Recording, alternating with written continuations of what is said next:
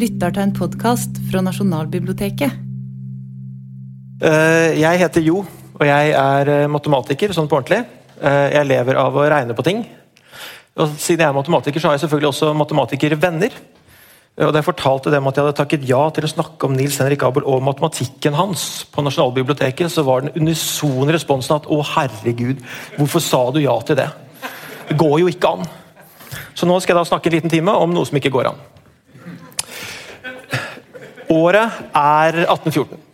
Norge har nettopp vunnet sin eh, uavhengighet fra Danmark. Vi er blitt en ny, liten nasjon oppe i hjørnet av den store verden. Vi har blanke ark og farvestifter til.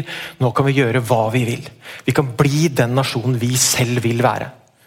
Men hvem er det egentlig vi vil være? Hva er det vi skal gjøre? Og hvem er de menneskene som skal definere Norges vei ut i den store, vide verden?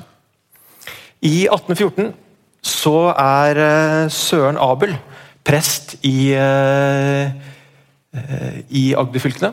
I Gjever. Nei, han heter ikke Gjever, men i Gjerstad. Takk. Han er prest i Gjerstad. Og Søren Abel er en ordentlig bra fyr. Ordentlig bra mann. Og på, I 1814 så er han godt informert om den politiske situasjonen og de politiske ståstedene. Var med i forhandlingene om unionen med Sverige. og Blir to ganger valgt inn som stortingspolitiker på Stortinget i etterkant av 1814. Der gjør han seg bemerket. Stort sett negativt, dessverre. Det er ikke alle som deler hans syn på saken, og han ender livet ganske trist.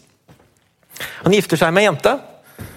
Ei jente som er datter av den rikeste forretningsmannen og handelsmannen i Risør. Ei jente som er skikkelig glad i å feste og drikke. Og det fortsetter hun med, eh, selv etter nedgangstidene og konkursen som følger napoleonskrigene. Alle vet at uh, presteparet drikker, og helst hver for seg. Uh, paret får seks barn, bl.a. en liten gutt som de kaller uh, Nils Henrik. Faren til Nils Henrik er en bra fyr, han er en ordentlig rasjonalist. Han tror på mennesket, og at mennesket kan klare å løse alt. Og gir alle barna en grunnutdanning, en skikkelig god utdanning i skolen. Og gir dem liksom go- godt grunnlag for å klare seg i livet. I 1814 så er lille Nils Henrik Abel tolv år. Året etterpå så blir han sendt til Kristiania, til Oslo, for å studere videre og gå på katedralskolen der. Den finnes jo fortsatt eh, her borte. Eh, Og Lille Nils Henrik gjør det skikkelig ordinært. Han er ikke noe spesiell på noe som helst vis. Eh, Gjør nå det han skal, ikke noe særlig mer enn det. Liker ikke å være alene. Vil helst være sammen med de andre elevene og henge med dem og liker å gå i teater og gjøre sånne ting. Og så, i 1817, så skjer det noe helt spektakulært. Han får ny mattelærer. Altså, eh, Alle skjønner at, eh, og vet at lærere kan ha mye å si for hva som gjør at folk blir interessert i ulike ting, som gjør at de velger ulike ting i livet. Men sjelden har vel én lærer gjort så mye for enkelt liv og en hel nasjon sin framtid. Eh, Abel sin første mattelærer var eh, av den gamle skolen. En litt sånn streng mann som annet eh, ikke gikk av veien for å avstraffe de stakkars elevene litt fysisk. Og Denne fysiske avstraffelsen gikk på et eller annet tidspunkt så langt at han banket opp en av elevene så kraftig at han døde av det noen dager senere. Så han ble avsagt. Som ny mattelærer fikk Nils Henrik eh, Holmboe. Holmboe var en ordentlig kunnskapsrik mann. Progressivt tenkende. Og Han gjorde bl.a. sånne ting som å gi elevene selvstendige matematikkoppgaver. Wow, for en gærning! Sånn, på den tiden var ikke selvstendighet noe man drev med sånn for eh, elevene. Men dette grepet her gjorde at Nils Henrik begynte å bli utrolig glad i og opptatt av matematikk. Nå var det slutt på å låne skjønnlitterære bøker på biblioteket. Istedenfor gikk han og trålte biblioteket etter de store matematiske verkene på originalspråket av de originale forfatterne for å finne ut hva de hadde gjort og hva de hadde skrevet. Han fikk låne bøkene til Holmboe fra universitetet, Holmboe ga han privatundervisning. Og den der farta som eh, lille Nils Henrik tilegna seg kunnskap med, var altså så rask at Holmboe skrev i karakterprotokollen at her har vi å gjøre med et ordentlig matematisk geni. Eh, I de andre fagene så gikk det ikke sånn kjempebra. Gikk det helt greit. Så du kjenner igjen typen. ikke sant? En sånn tenåringsgutt som er sjukt god i matte, og ikke spesielt god i de andre fagene. Eh, ordentlig mattenerd. I 1821 så øh, gjennomførte Nils Henrik øh, eksamen artium, opptaksprøvene, studieforberedende på universitetet, med toppkarakterer i algebra og øh, aritmetikk og geometri. og relativt ordinære karakterer i de andre fagene. I sum så var altså disse karakterene så dårlige at han ikke var flink nok til å komme inn på lukkede studier, men han fikk lov til å fortsette på universitetet til høsten. Men universitetet var helt nytt. Det var bare ti år gammelt, så det var ikke så veldig mye å studere. Blant annet så fantes det ikke noe videregående studium i matematikk og fysikk og naturvitenskap. Nils Henrik Abel er 19 år, og han er allerede den i Norge som kan mest matematikk. Hvis han skal lære seg mer nå, så må han begynne å lese selv. Og det gjør han. Så han tropper opp på universitetet og leser og leser og leser. Og leser. Og begynner også selv med sine egne matematiske utgreiinger, sine egne teorier, sine egne teoremer som han uh, jobber med. Og Begynner som en gryende akademisk uh, framgang. Og Da det i 1823 opprettes uh, et norsk tidsskrift for naturvitenskap, så får Abel ha med noe på trykk i den første utgaven. Det er et utrolig teoretisk arbeid som nesten ingen skjønner noen ting av. Og Redaktøren må i ettertid gå ut og forsvare matematikken sin plass blant naturvitenskapene, for det framstår som helt gibberish for alle. Men universitetets ledelse og alle rundt Abel skjønner at her har de med en begavet ung mann å gjøre. og Hvis han skal lære mer, så må han komme seg ut. De må skaffe han penger og skaffe han et stipend, at han kommer seg ut i verden og får jobbet med og lært noe av de flinkeste. Og I 1823 så får han et stipend for å reise til København og jobbe med matematikerne der. Oi, trykke på knappen. Sånn. Der blir han tatt imot med åpne armer. Han jobber sammen med de flinkeste, lærer masse, er utrolig produktiv. og I tillegg så treffer han en utrolig søt jente som heter eh, Katrine Kemp. Topp kjærlighetsliv, ikke sant? Topp på jobben, i en ny by og sånn, og han er liksom bare drøyt 20 år. Det er en ganske bra sommer. Kommer tilbake til Norge på ordentlig opptur og har med seg i bagasjen et resultat som viser at matematikere har tenkt feil i 250 år. Matematikk er en veldig spesiell type kunnskap. Matematikk er et teoretisk studium av grunnleggende systemer og strukturer. Det er et teoretisk studium. Det er altså ikke et praktisk studium av den virkelige verden. Matematikk står i særstilling blant all kunnskap vi har, for matematikk er den eneste objektivt sanne kunnskapen vi har. Det er absolutt sannhet. Og Grunnen til at det er absolutt sannhet, er fordi at matematikk ikke er basert på observasjon. Vi har ikke vært ute i den virkelige verden og observert et eller annet som vi så har lyst til å forklare. Matematikk er rett og slett et byggverk konstruert av sanne utsagn på toppen av hverandre. Enten er det riktig, eller så er det ikke det. Og Siden matematikk ikke er basert på observasjon av den virkelige verden, så er det heller ingenting ute i den virkelige verden som kan felle matematikken. Så matematisk sannhet står for alltid. Det er et teoretisk studium. Det betyr selvfølgelig at de strukturene og systemene som man ser på, blir relativt abstrakte fordi det av natur ikke er praktisk. Sant? Som ethvert fagfelt så kan matematikk også deles opp i uh, underdeler. og Det er mange måter å gjøre det på, men de fleste ender opp med noe sånn, litt sånn som dette her. Du har aritmetikk, som da er uh, pluss og minus og gange og dele og sånn. Gangetabellen. Det er det som vennene mine uh, sier at det er ikke mattikk, sjø. Det er slavearbeid. Det er, liksom ikke, det er liksom ikke ordentlig matematikk. Det som kommer under, er ordentlig matematikk. Det er algebra, analyse og geometri. Algebra det er bokstavregning og ligninger. sånn, X og Y og alt dette her, som folk eh, koketterer med at de syns er grusomt. Og så er det analyse, som da handler om bevegelse og endring. Og så er det geometri, som handler om rom. Så du har algebra, X og Y og A og B og sånn. Du har analyse, bevegelse og endring. geometri, som er rom. Adskilte matematiske kunnskaper. Og så har du resten av anvendte ting, sånn som statistikk og computergreier og teoretisk fysikk og sånn. Så hvor inni her var det Abel holdt på, da? Er noe av det som er så spesielt med det Abel gjorde, er at han gjorde alt dette her. Han gjorde mye, og han gjorde veldig bredt. Og det han gjorde, var også så dyptgående og strukturelt at han klarte å se paralleller og sammenhenger mellom fagområder der alle andre bare så forskjeller. Og Det resultatet han hadde med seg hjem fra Danmark, var et sånt resultat som bygget en bro mellom ting som folk ikke trodde det fantes en bro mellom. Til dere som kan lite matematikk Dette blir ikke veldig avansert. Slapp helt av. Til dere som kan mye matematikk Dette blir ikke veldig avansert. Dessverre.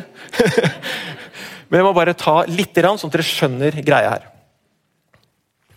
Algebraiske ligninger defineres etter potensen på den høyeste x-en.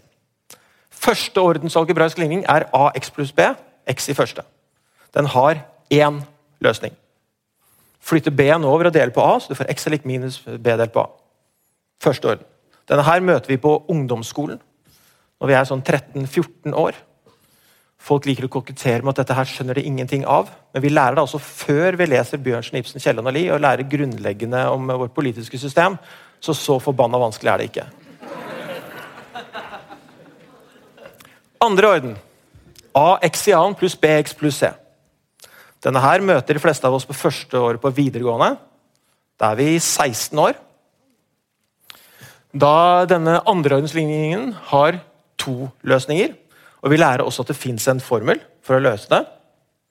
Her er det mange som begynner å møte litt veggen. Dette begynner å bli sånn skikkelig matematikk. ikke sant?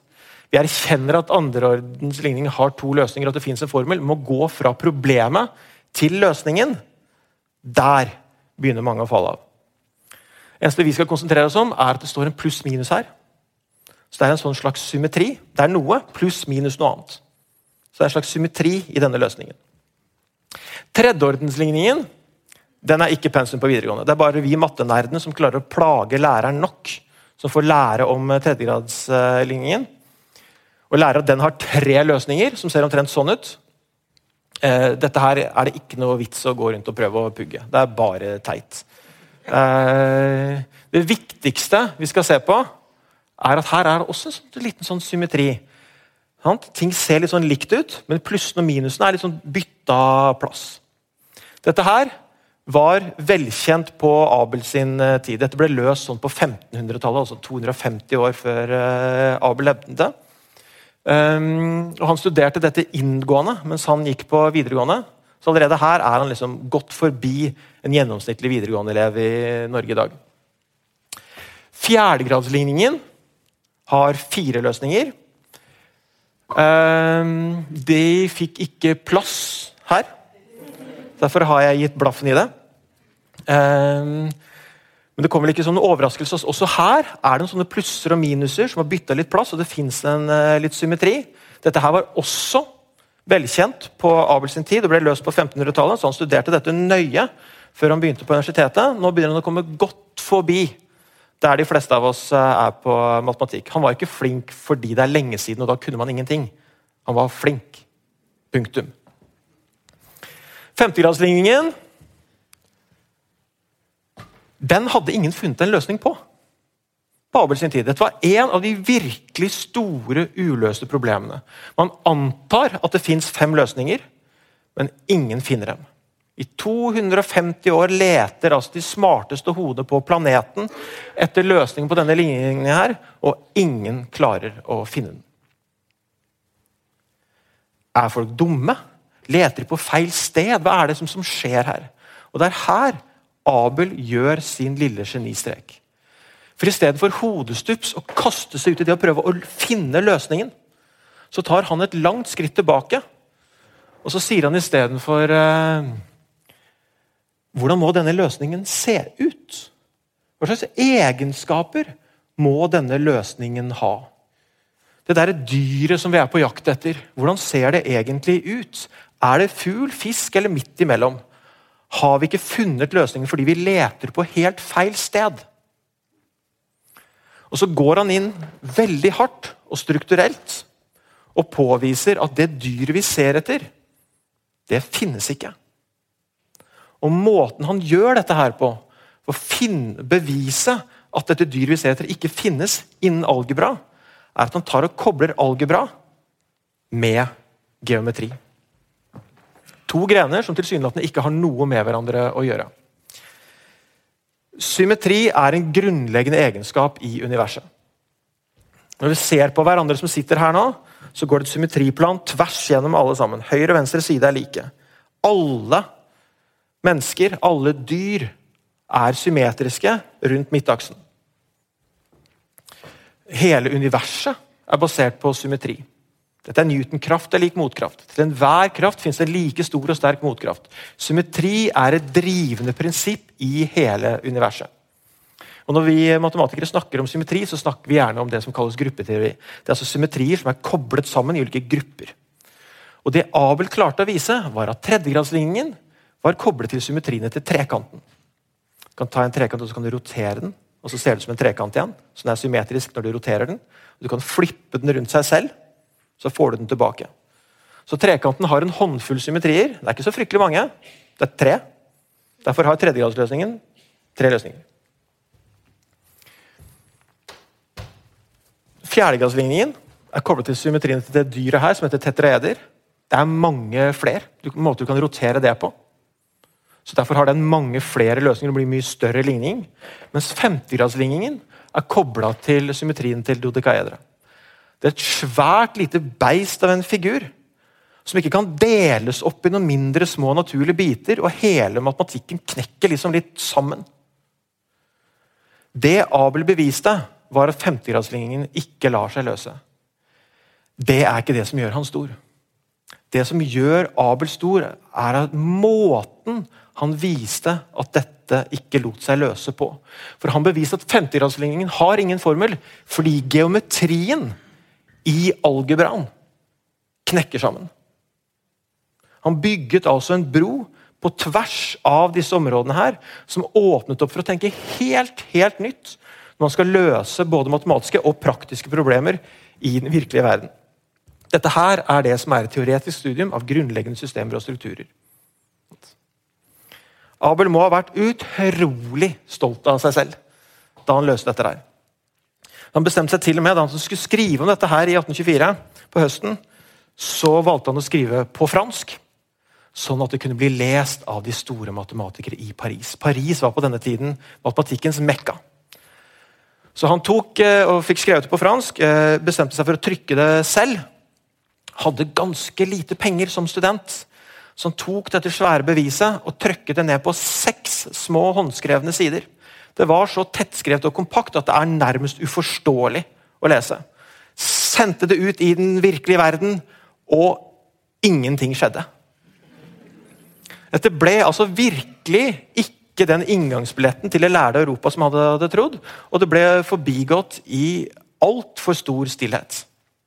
Og Det ble mer og mer klart for alle at hvis Abel skulle komme noen vei, så måtte han ut i den virkelige verden. Han måtte komme seg til Paris, der hvor alle de store matematikerne faktisk bodde og levde. Men de måtte skaffe ham penger, da. Abel gikk rundt og ventet eh, og leste eh, ut på 1825. Så begynte han å bli skikkelig, skikkelig utålmodig.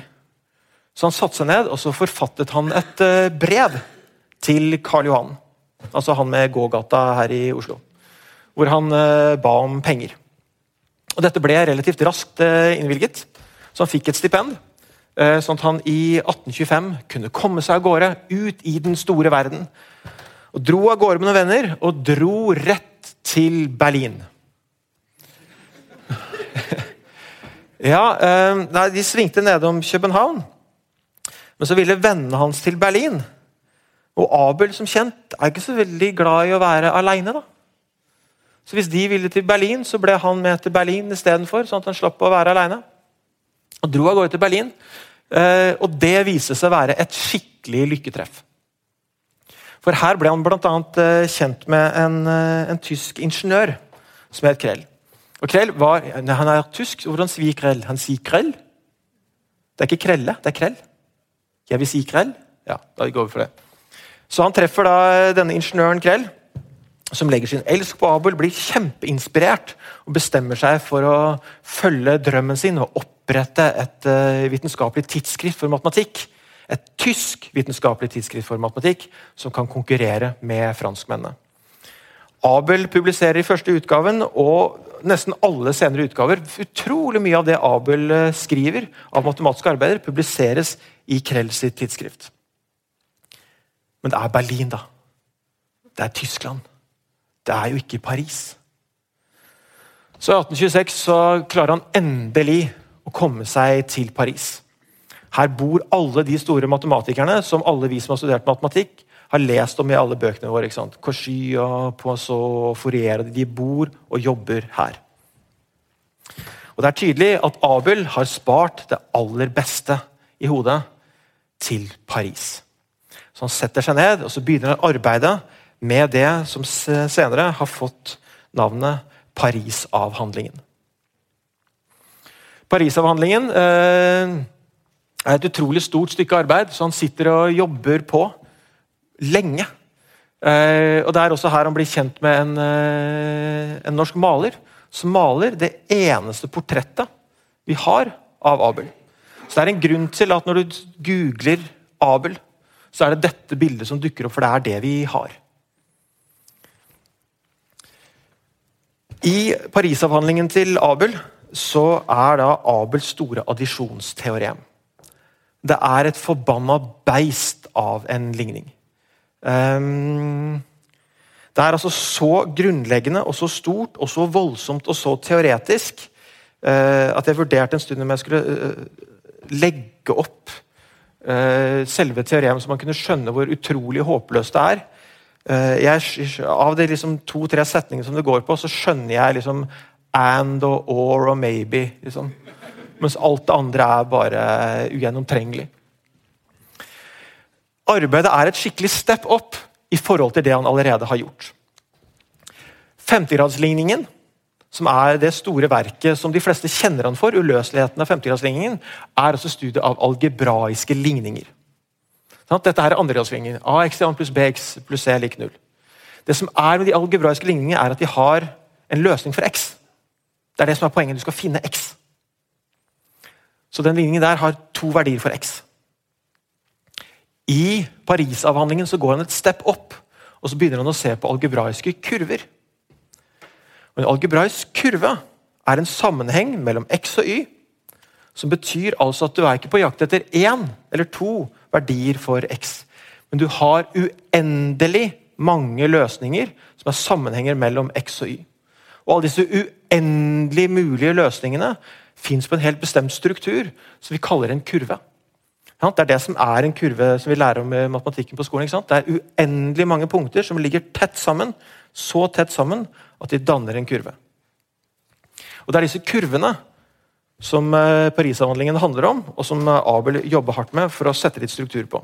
Og På samme måte som hver algebraiske kurve har uendelig mange løsninger som danner en kurve, så fins det også uendelig mange ulike algebraiske kurver ved å koble x-er og y-er og a-er og b-er og c-er på ulike vis. Det er vanvittig pes å skulle prøve å si noe generelt om disse tingene her. Det fins alle slags typer kurver. Hvis f.eks. Abel hadde lyst til å øse ut sin kjærlighet for Christine Kemp ved hjelp av en algebraisk kurve, så finnes det en kurve for det. Hvis han ikke er så glad i å tegne, men heller har lyst til å skrive det, så finnes det algebraiske kurver for å skrive det også. Universet av muligheter for algebraiske kurver er helt vanvittig. Så det at jeg skal prøve å si noe generelt om dette, her, da skjønner du at du må på et utrolig overordnet meta-meta-metanivå begynne å trekke noen paralleller og se noen strukturer. Det Abel var drevet av, var ikke nødvendigvis bare kurvene i seg selv, men noen av e, de spesielle egenskapene til kurvene. Blant annet lengder. Buelengder på disse kurvene. her. Og Særlig hva som skjer når ulike kurver krysser hverandre. Hvor langt det er mellom her og her og mellom disse punktene. Dette her er eh, litt avhengig av hvem du spør. Så får du litt ulike svar på hva Abels addisjonsteorem faktisk er for noe. Mange, sånn som meg, vil si at Abels addisjonsteorem er en matematisk læresetning for integrasjon. Det var sånn jeg traff det da jeg studerte matematikk, men jeg har en doktorgrad i ingeniørfag. Altså mer anvendte ting, og Ingeniørfag driver med bevegelser og endring. og sånn. Og Integrasjon er en del av analyse, hvor du regner ut ting i forhold til kurver. Farter og avstander og posisjoner og volumer og en hel haug med sånne ting. Så spør du meg, så er Abels tradisjonsteorem en matematisk læresetning for integrasjon. Spør du andre her som kanskje har en doktorgrad i eh, algebraisk geometri, så kommer de til å si at Abels tradisjonsteorem er nøkkelen for å forstå strukturen til en algebraisk kurve. Dette er et svar i algebra. Avhengig av hvem du spør, så vil du få ulike svar på hva dette store teoremet gjør. Og Det er fordi at det igjen kobler sammen deler av matematikken som tilsynelatende er helt, helt forskjellige.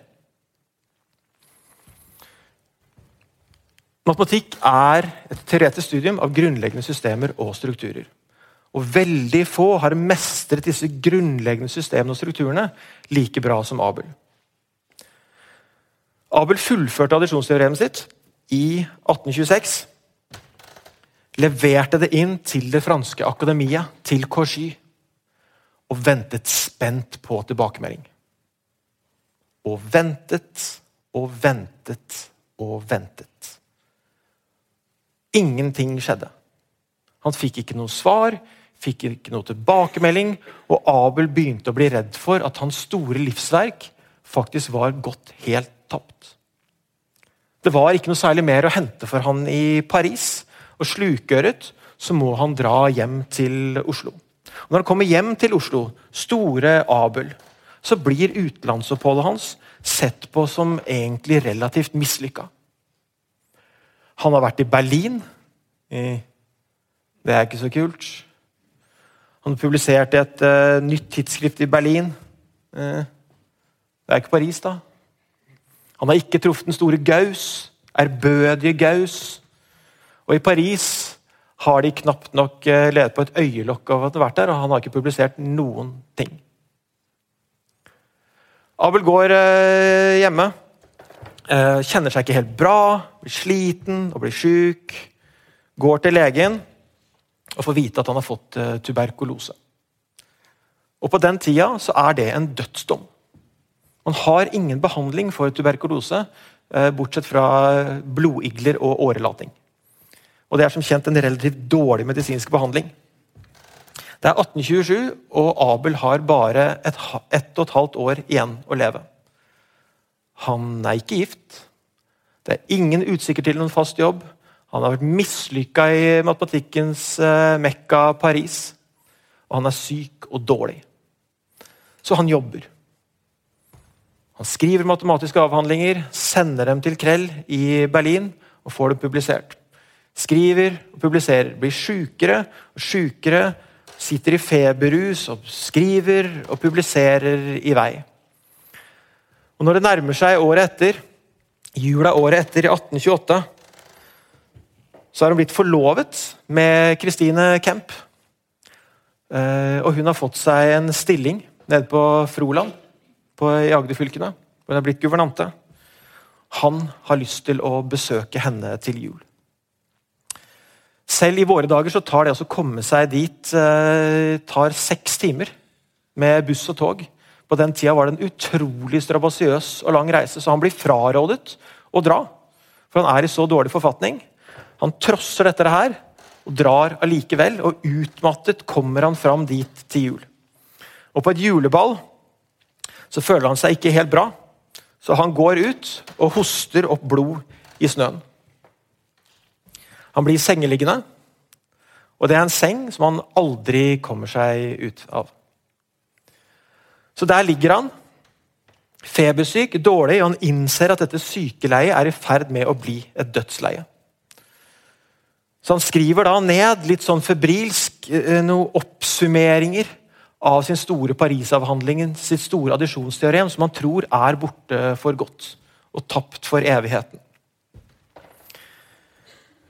I, eh, på vårparten så dør han. Ugift. Barnløs. Uten fast jobb. Uten å tilsynelatende ha utrettet noe stort i livet sitt. To dager etterpå så kommer det et brev fra Berlin om at nå har han fått en fast stilling i Berlin. Så nå er framtiden sikra. Og dette Parisavhandlingen finnes igjen i en skuff.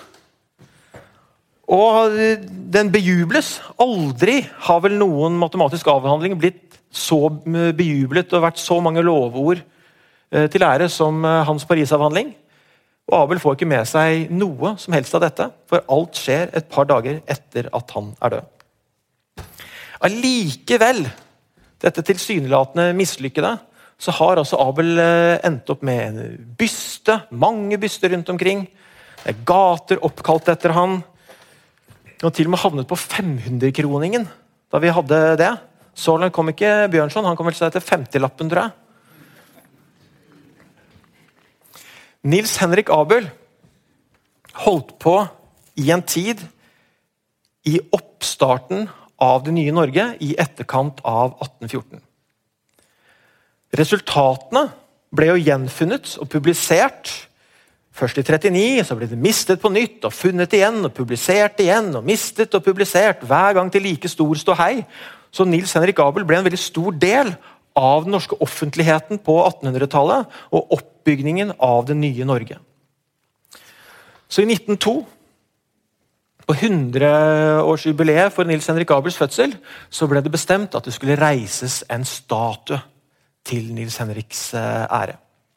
Og En av de som var med å skrive den utlysningsteksten, var Vigeland.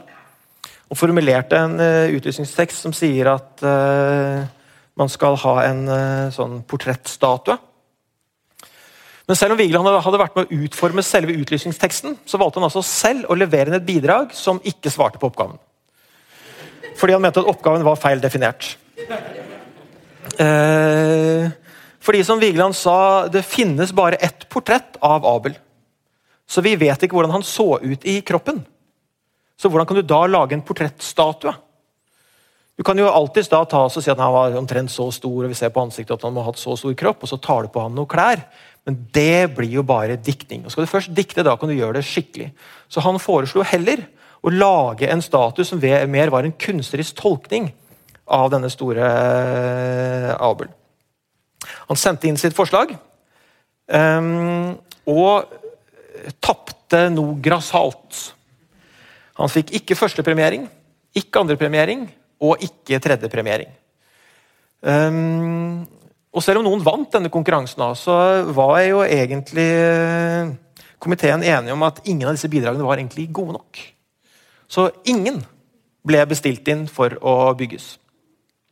Og Da begynner Vigeland å lobbyere og sender brev til eh, sånn som Bjørnstjerne Bjørnson, kjente kulturpersonligheter i Norge, som kunne tale hans sak. Og Det ble ganske mye skriverier som talte Vigelands sak for at Vigelands statue burde få lov til eh, å vinne.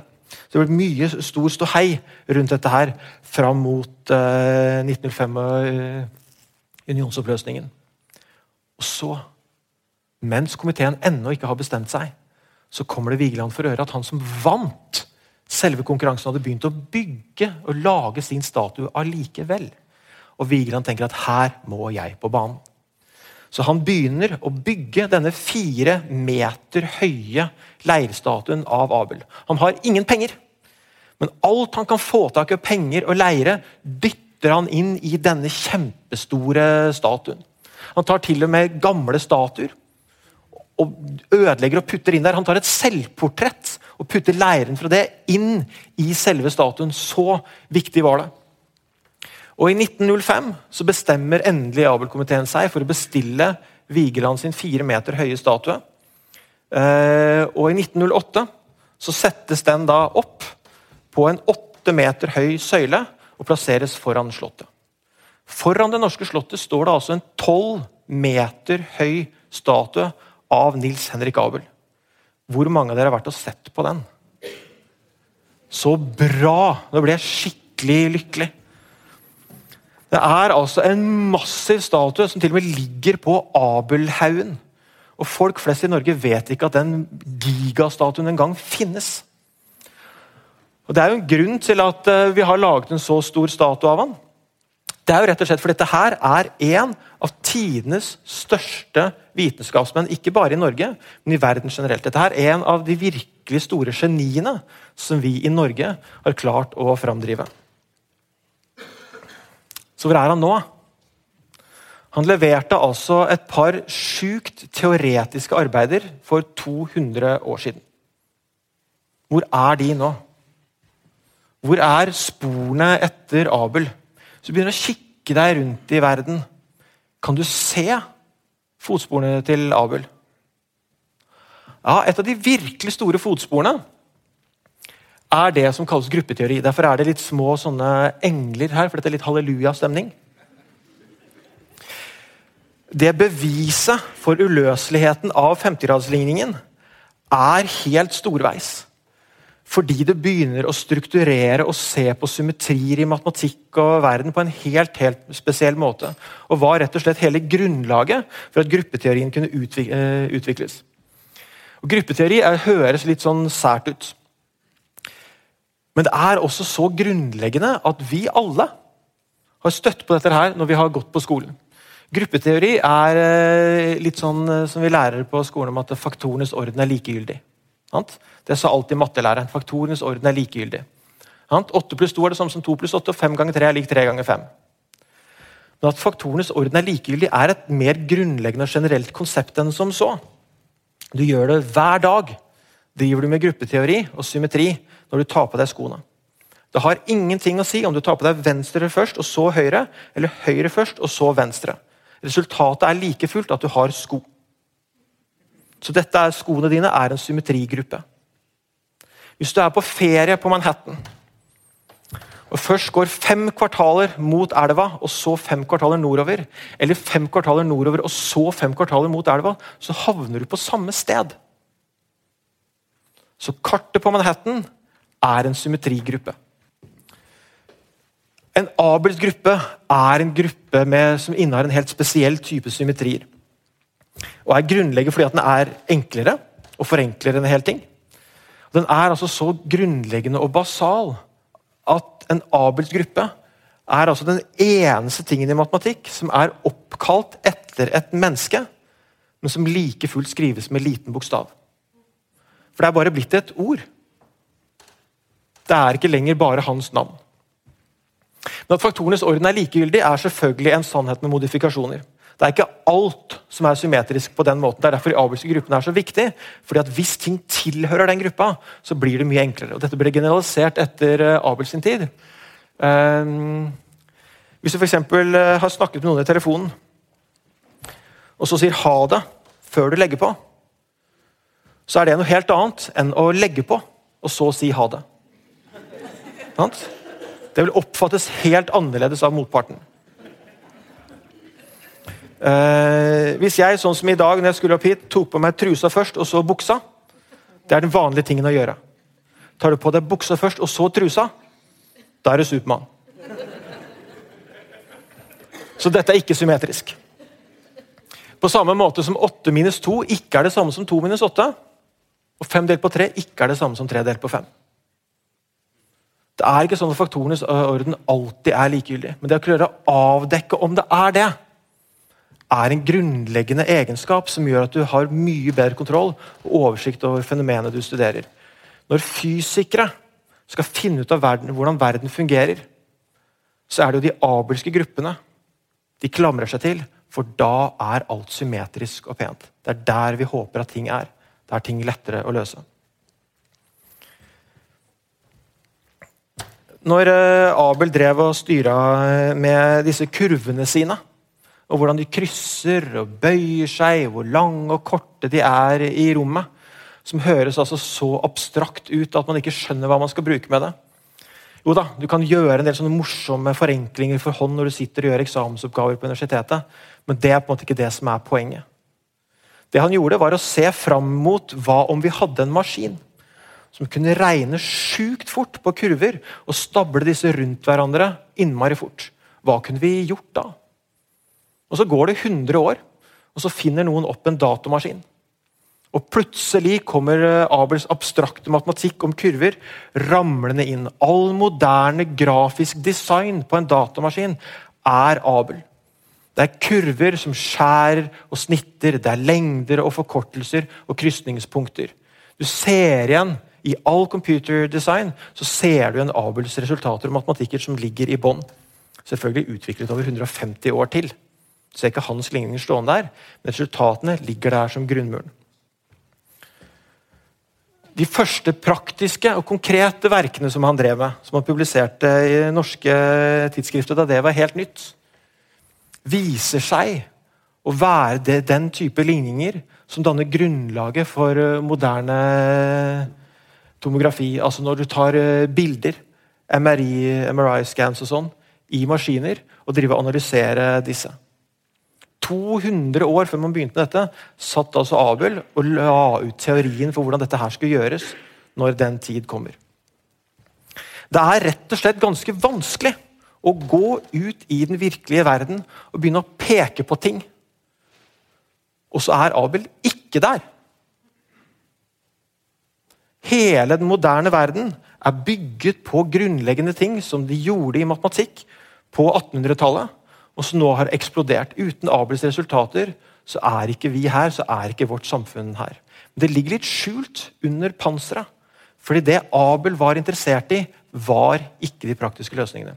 Vi har nettopp utdelt en ny Abelpris, eller vi har nettopp eh, fortalt hvem som skal vinne Abelprisen for i år. Som er en av de mest teoretiske som noensinne er gitt ut. Og Når man da spør uh, vinneren hva kan dette brukes til, så svarer han jeg vet ikke. Jeg Driter i det. For det er ikke derfor vi driver med det. Vi driver med det for å avlegge grunnleggende strukturer og sammenhenger som er sanne uansett. Og så vil anvendelsene dukke opp etter hvert. Når noen som driver med noe anvendt, ser at hei, dette passer jo perfekt for meg. Noen ganger går det noen måneder. Sånn som Forskningsavdelingen til Statoil lager jo ting som kan brukes veldig fort. Noen ganger tar det 200 år og en stakkars skjebne til en norsk matematiker før det dukker opp noe som man faktisk kan bruke til noe. Nils Henrik Abel er en av de største vitenskapsmennene som vi noensinne har fostret i Norge. oppfostret, Og er et av de virkelig få geniene. Han er det som hans venn eh, Krell eh, i Berlin sa. Han er en av disse sjeldne menneskene som det bare dukker opp én av hvert århundre. Takk for meg.